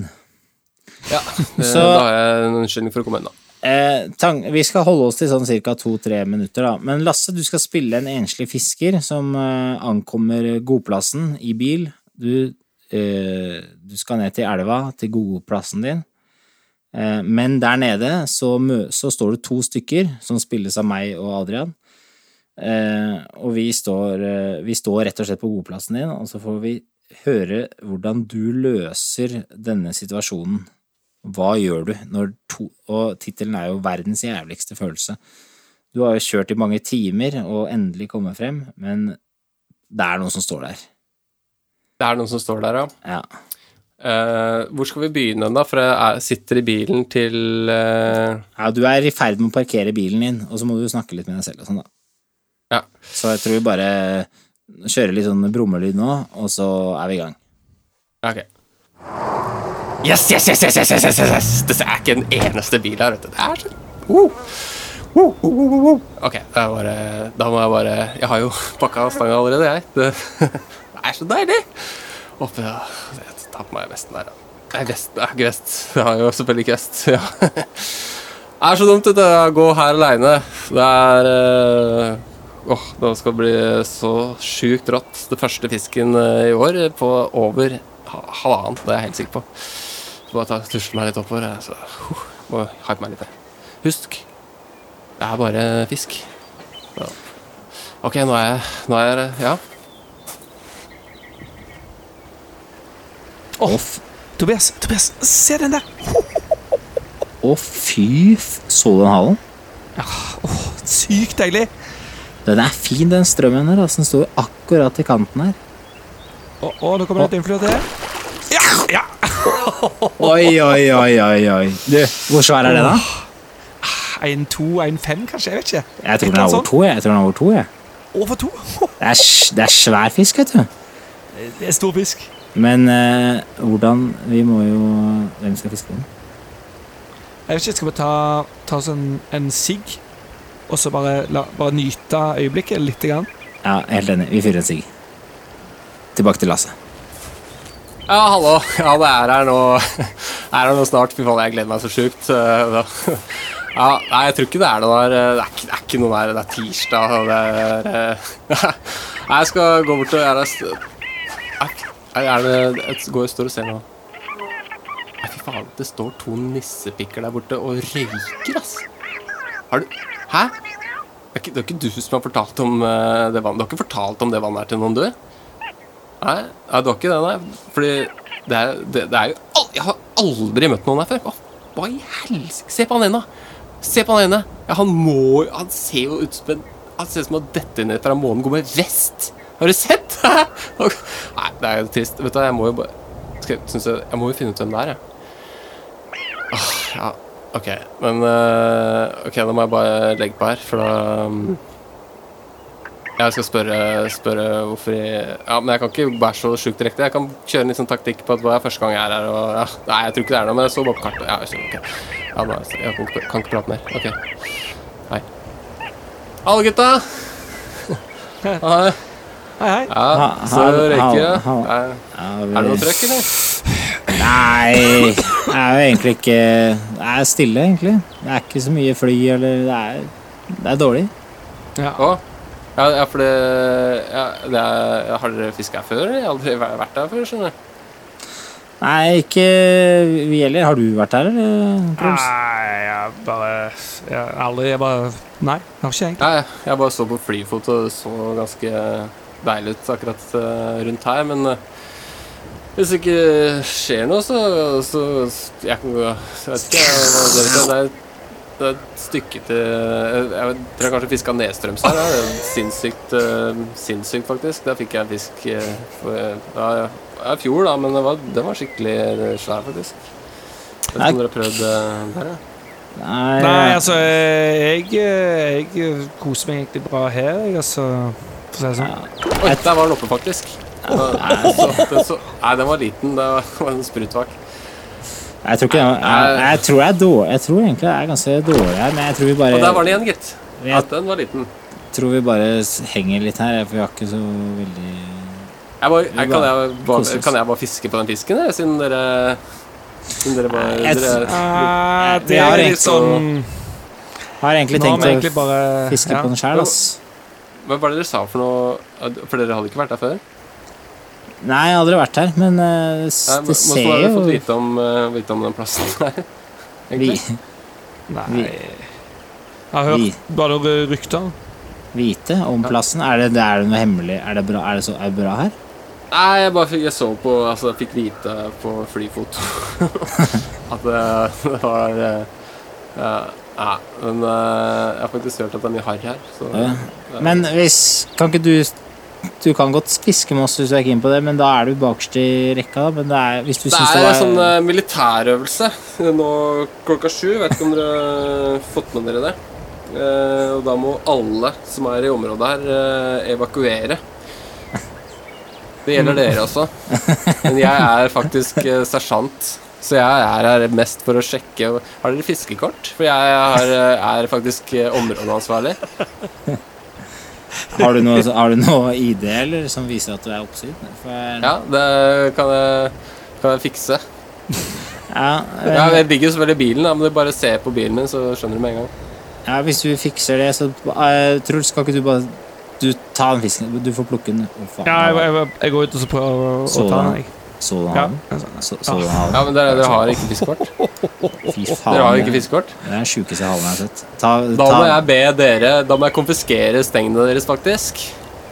Eh, la, la, altså, da, jeg tror vi må få lov til å kaste på den fisken her først. Nå. Bare- Vi har, det er klart vi har fiskekort, men vi, vi, kan ikke, vi gidder ikke å vise fiskekort til deg uoppfordret når du ikke Nå, står jeg, nå er jeg bare ute òg her, jeg, så jeg, jeg, jeg fisker på den fisken. Ja. La kastet gå, Gamman. Ja, nei, men da trekker jeg meg stille tilbake her. Og så, så kommer jeg tilbake om en halvtime, og da forventer jeg at det er, plassen er rydda. Ja, det er greit. Off! Ja, det er to... Det er Tok den? Ja, ja, ja, ja, ja, Oi, oi, Oi, oi, oi, Ja, den der fisken der må du sette ut igjen med en gang. oi, oi, Den der er oi. ikke Åh, Det det her blir er bra, bra røykefiske. langt under minstemål. Åh, Nei! Mista den. Åh. Er dårlig knute. Bruker, du- bruker du holteknute? Det må du ikke gjøre. Ja, ja, vi snakkes, gutter. Ha det. Ja. Fy faen, for en dust. Hvem trodde han han var, liksom? Sersjant, tydeligvis. Ja. Uff, æsj. Ja, ekkel type. Ja, ekkel type. Jeg mista helt følelsen. Ja. Nei, jeg, det var synd, Truls. Ja. Vi kaster noe stein ut i vannet, og så stikker vi. Ja, faen, det gjør vi. Da, Ja. da får ikke han fiska Da blir det ikke noe fisk på havnen senere i dag, i hvert fall. Det er, lov, det er lov å være litt jævlig. Ja. Kom igjen. Ja, ok. Der, ja. Det er sant. Litt. Nei, skal vi ture opp til den andre plassen? Ja. La Vi er ikke oss ferdig, da. Nei, jeg er ikke ferdig. Nei, her går vi. Her går vi. Ha det. Ja, jeg er sikker. Ja, ja. Jeg tror det, det der tror jeg vi var ferdig med en uh, teater. Nei, nei, men som første, som første go, så syns jeg dette her var uh, jækla bra. Ja, det var et godt initiativ. Jeg vil si det. det jeg vil si det var, det var et slags teater. Ja, Og eh, litt sånn steinplask i Hvis du googler sånn der um, Stone in water splash sound, så får du sikkert masse gode lyder du kan legge på, Lasse. Ja, ja. Absolutt. Jeg skal eh, Jeg har et eh, svært kartotek jeg, som jeg skal eh, kose meg med. Mm, Nei, men takk for en nydelig spalte, Tobias. Vi får se, da. Vi vil gjerne ha tilbakemeldinger på den spalten her. Var det noe, eller var den, var det en engangs? Ja, men det kan hende at vi skal utvikle den litt. Altså, at vi rett og slett får lytterne til å mm, Til å sende oss eh, gitte situasjoner. Ja, det er gøy. Fiskesituasjoner. Det er gøy. Eh, og så kan vi prøve å utspille dem, da. Mm. Jeg har jo inspirasjonen fra Oral B og Pimp Lotion, for de har jo sånne radioteatre på sin uh, The Godcast, som er ganske artig. Og, og, og det er ganske bra, skjønner du. Ja, artig. Ja, det skal jeg sjekke ut. Nei, men uh, da har vi gått gjennom alle um, Vi har faktisk holdt på i uh, en god stund, så jeg tror egentlig vi kan um, takke for oss i dag, jeg. Ja. Johan, da? Ja, fader, det hadde det, Beklager, det hadde jeg helt Helt glemt. Er du, da- er, du, er du helt Johan, eller? Ja, det, det er ikke langt unna. Jeg beklager det. det. og Nå er jeg nesten på vei ut her, men han har jo sendt oss et bidrag. Det må vi selvfølgelig høre på. Uh, så er dere klare for det, eller, gutter? Ja, ja, ja, ja, ja. Veldig. Stor fisk i store, flotte omgivelser. Og seriøse fluefiskere har ikke planer åtte måneder fram. Sånn at det ser ut som et telt fra forfra og bakfra, men ikke fra siden. Det er stor fisk i store, flotte omgivelser. Er just in case. Jeg syns Rena er penest hvis du er litt full. Det er jo kjempesmart. 154. Tallet er 154. Om 154 dager er sesongen for alvor i gang. Når starter sesongen egentlig? Har den en definert start? Har den en slutt? Det kommer an på hvem du spør. Hvis du spør Gisle, er det alltid sesong. Jeg for min del anser at fluefiskesesongen starter for alvor Kristi himmelfart. Det er årets første langhelg med fluestang, og for meg er det selve starten. Det jeg skal snakke om nå, er 154, og hvordan det tallet må bearbeides for å være håndterlig. Eller altså hvordan jeg håndterer det tallet. Ute er det helt mørkt. Duskregn, fire grader. Med andre ord helt likt rent klimatisk som første uka i juli i 2020. Men det er mye vanskeligere å se flua. 2020 var en rar sesong, og hvis denne værtrenden holder seg, så vil det altså være varmere på julaften enn på sankthansaften i 2020. Men om 154 dager er det en ny sesong. Den skal bli mye bedre. Jeg må forberede meg til 2021. Til det har jeg 154 dager. De må brukes godt. Fluer må lages. Utstyr må kjøpes. Ja, eller vent, det skal jeg se, si litt mer om seinere. Lister må lages, og planer må legges. Jeg er nå i den fasen jeg kaller presesongspsykose. En tid da veldig uviktige ting blir superviktige. En tid da jeg er villig til å kjøre til Lillestrøm tidlig en lørdag for å handle fjær i en nyanse som ligner kraftig på en av de speinnakkene jeg har fra før. Jeg kjøpte en knall rosa speinnakke i november 2016. Brukte ca. tre fjær. Etter den tredje flua kom jeg til å tenke på at det ikke fins én eneste sjøørret på hele nordre havkule som kan bli selektiv på dette. For den eneste reka som er rosa, er de som er kokt og ligger på Rema 1000. Levende reker er ikke rosa. Ingenting av det sjøørreten spiser, er rosa. Dette er tiden på året da jeg faktisk tror at lengden på beina på Daddy Longlegs og Tsjernobylmaur er viktig. I sesong så tenker jeg bare flyter den? Har den noe som spreller? Ja, da fanger den. Men nå, nå tenker jeg hmm, 3 mm tjukk foam. Da bør jeg nok ha Partridge Bomber i åtter istedenfor Gamakatsu 314. Og så bør jeg ha 47 mm lange bein. Ikke 50 mm. Det, det blir vulgært. For å nedkjempe tallet 164 grein jeg meg med på fluebinding på Zoom med Solbakken og Rydgren. Der fikk jeg en leksjon i en herlig fekk streamer. Solbakken briljerte som vanlig og brukte litt spayfjør i Grizzly Salmon. Den fargen har jeg også nå, etter en lørdagstur til Lillestrøm. Jeg hadde ikke den på dag 164, men jeg har den nå, på tallet 154. Bare for å vise for meg selv at jeg har lært av mine tidligere klanderverdige innkjøp, på at jeg har seks stykker av den streameren. Dobbelt så mange. Da er den nakken dobbelt så viktig. I dag fikk jeg nok en pakke i posten. Et klassisk tilfelle av retail-terapi. Jeg går til terapi på denne tiden av året. Det terapeuten min ofte spør meg om, er vil du legge dette i handlekurven. Jeg trengte slett ikke påfyllkvill, men jeg falt for fristelsen. Og selvsagt hadde de mange nyanser. Kjøpte jeg bare den som jeg tror jeg kommer til å bruke? Nei, nei, nei. Jeg kjøpte alle åtte nyansene av oliven. En annen del av nedkjempingen er å lage en masterplan for fluebinding. Den starter med hjerteløs utrenskning i flueboksen. Alle ødelagte fluer kastes. Alle rare kreasjoner som ikke fiska, kastes. Så sorteres alle fluene på nytt, og en liste over hva som mangler og hva som trengs lages. Jeg må ha en sånn liste. Uten den står jeg der på Kristi himmelfart med en drøss med rare streamere og digre tørrfluer fra YouTube, og ingen maur, ingen skipsmannsbøsser, ingen hoppemøll. Jeg lager lista for å tvinge meg selv til å produsere det jeg vet virker. Denne lista har nå i år 355 fluer, fordelt på 13 mønstre. Det tilsvarer 2,3 fluer per dag fram til sesongstart. Én flue tar ca. 9 minutter, så da bør jeg rekke det. Alle fluene på lista er sterke fangefluer, fluer som alltid lander riktig, og som en fyr på over 40 år kan se. Den har ingen tørrfluer med UV-lim, den har ingen synkefluer med tre, kneledd og ansiktsuttrykk. Det er viktigere for meg å ha mange av hver enn å ha veldig mange forskjellige mønstre.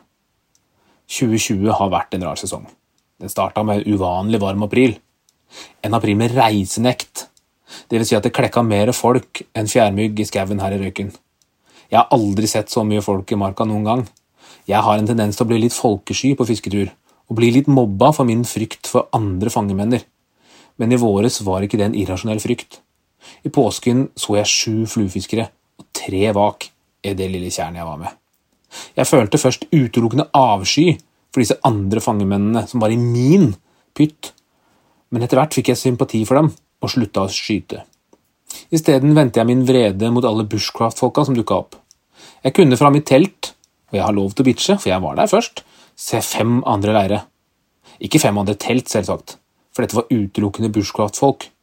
Hvordan vet jeg det? De hadde hengekøyer, de hadde store skjegg og knøttsmå økser. De hadde blåserør av titan for å få liv i glørne uten å sette fyr på skjeggoljen. Eller altså, i teorien var det det røret skulle brukes til, men de var så kortpusta av å ha hogd grønn furu med verdens minste øks at det bare surkla i bringa da de prøvde å blåse glør i treverk som aldri i verden kom til å ta fyr. Små økser er oppfunnet av de samme folka som fant opp fruktnøtt og tenkara. Sjokolade trenger frukt like mye som en ørret trenger sykkel. Og ingen, ingen trenger bitte små økser. Tenkara klarer ikke engang å snakke om uten å sprekke minst én blodåre i mellomhjernen. Min eneste trøst var at de frøys så jævlig i hengekøyene sine at de kokte kaffe på bartevoks og skjeggolje før de pakket de teite små sekkene sine og crafta seg hjem til YouTube.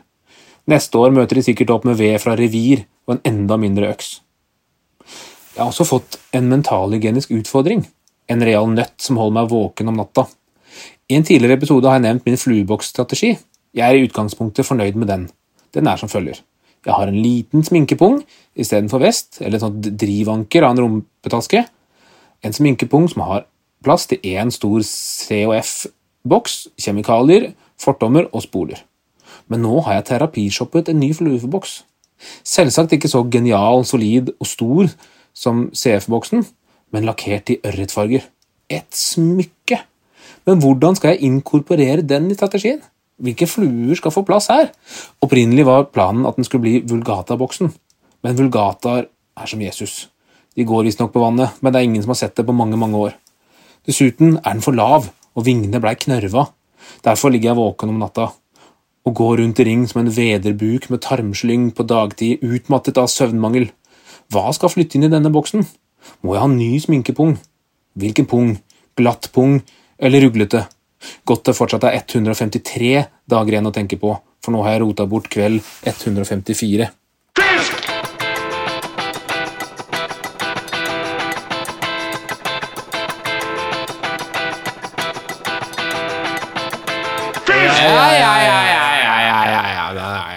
Helt Johan, helt Johan. Han leverer hver gang, han. han leverer hver Ja, det gjør faktisk Det er veldig hyggelig, og vi kjenner oss alle igjen på uh, i hvert fall en brøkdel av det han eh, snakker om. Eh, så takk skal du ha, Johan. Jeg lurer på hva som går gjennom huet hans når han sitter hjemme og tar opp det her, men det er det er Nei, bra. Jeg kan jo bra. faktisk eh, Jeg, jeg, snakka litt med Johan eh, her om dagen, eh, så vidt, og Ja, for han heter Han, eh, Johan, med to n-er. Nei, Knut Johan, da. eh, og han, han hadde- fått en ny flueboks.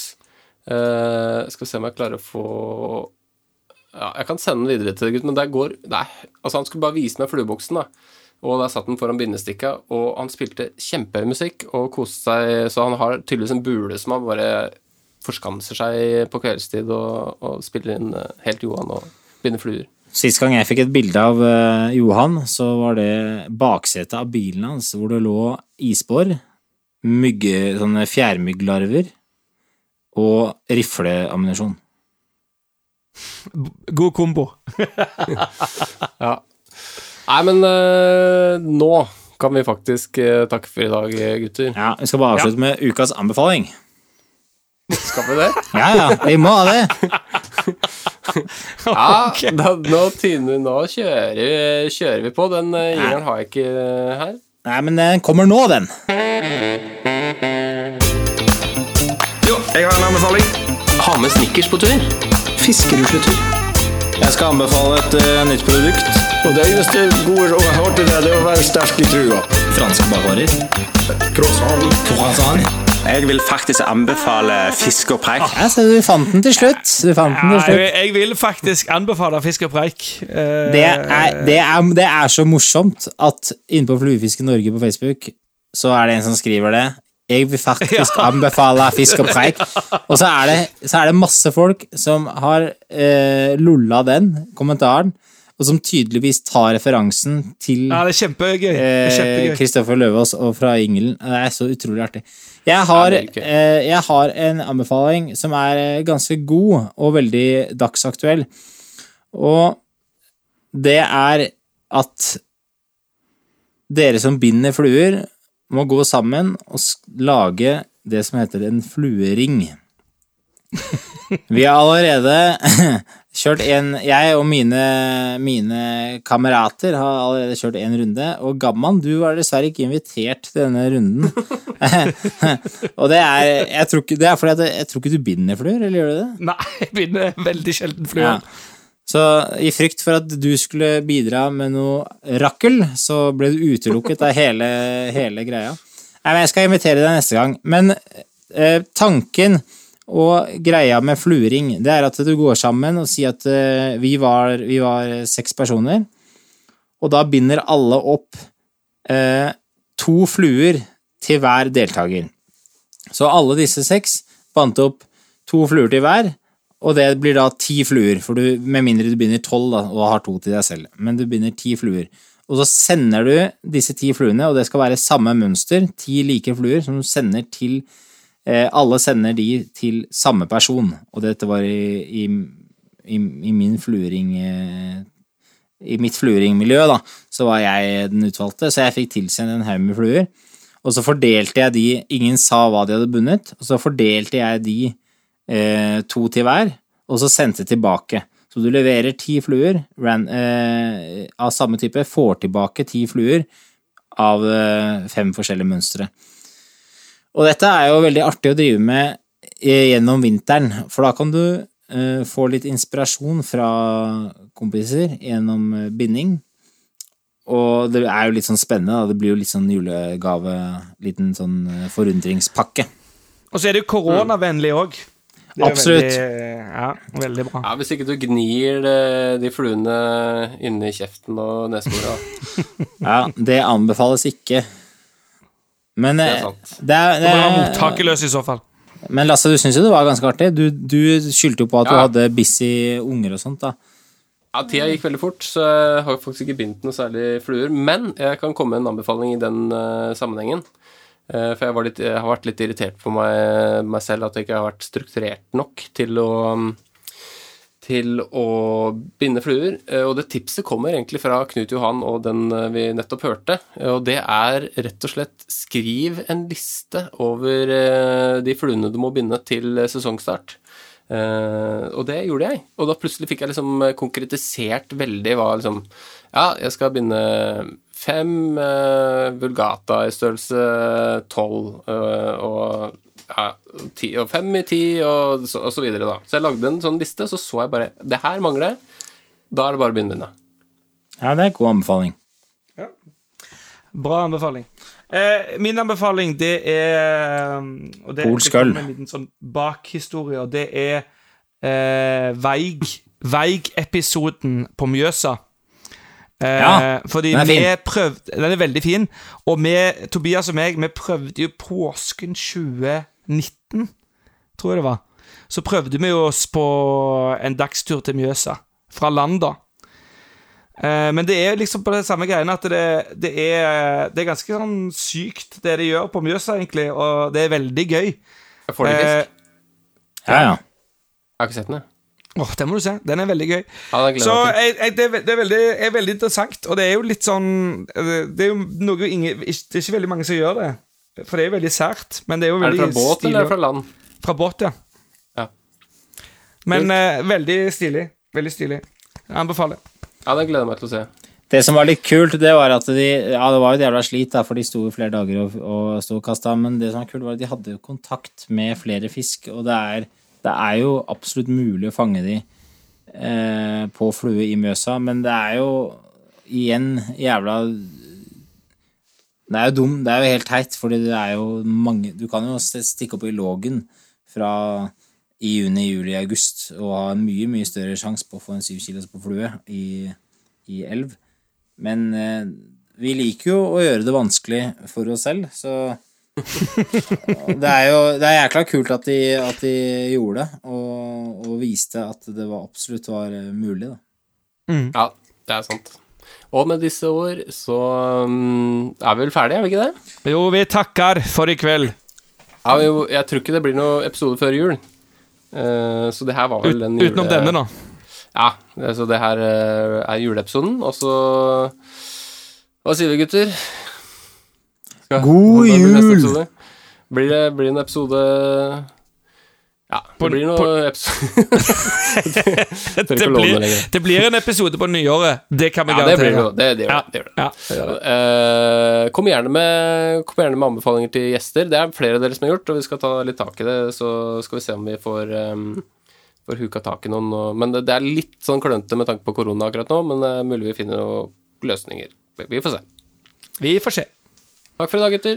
God jul. Takk for i dag. Ha det. God jul. Har du bidrag eller spørsmål til oss i Fisk og preik, send mail til fiskpreik at gmail.com eller via våre Facebook-sider. Husk også å sjekke ut hukt.no og Hukt pluss.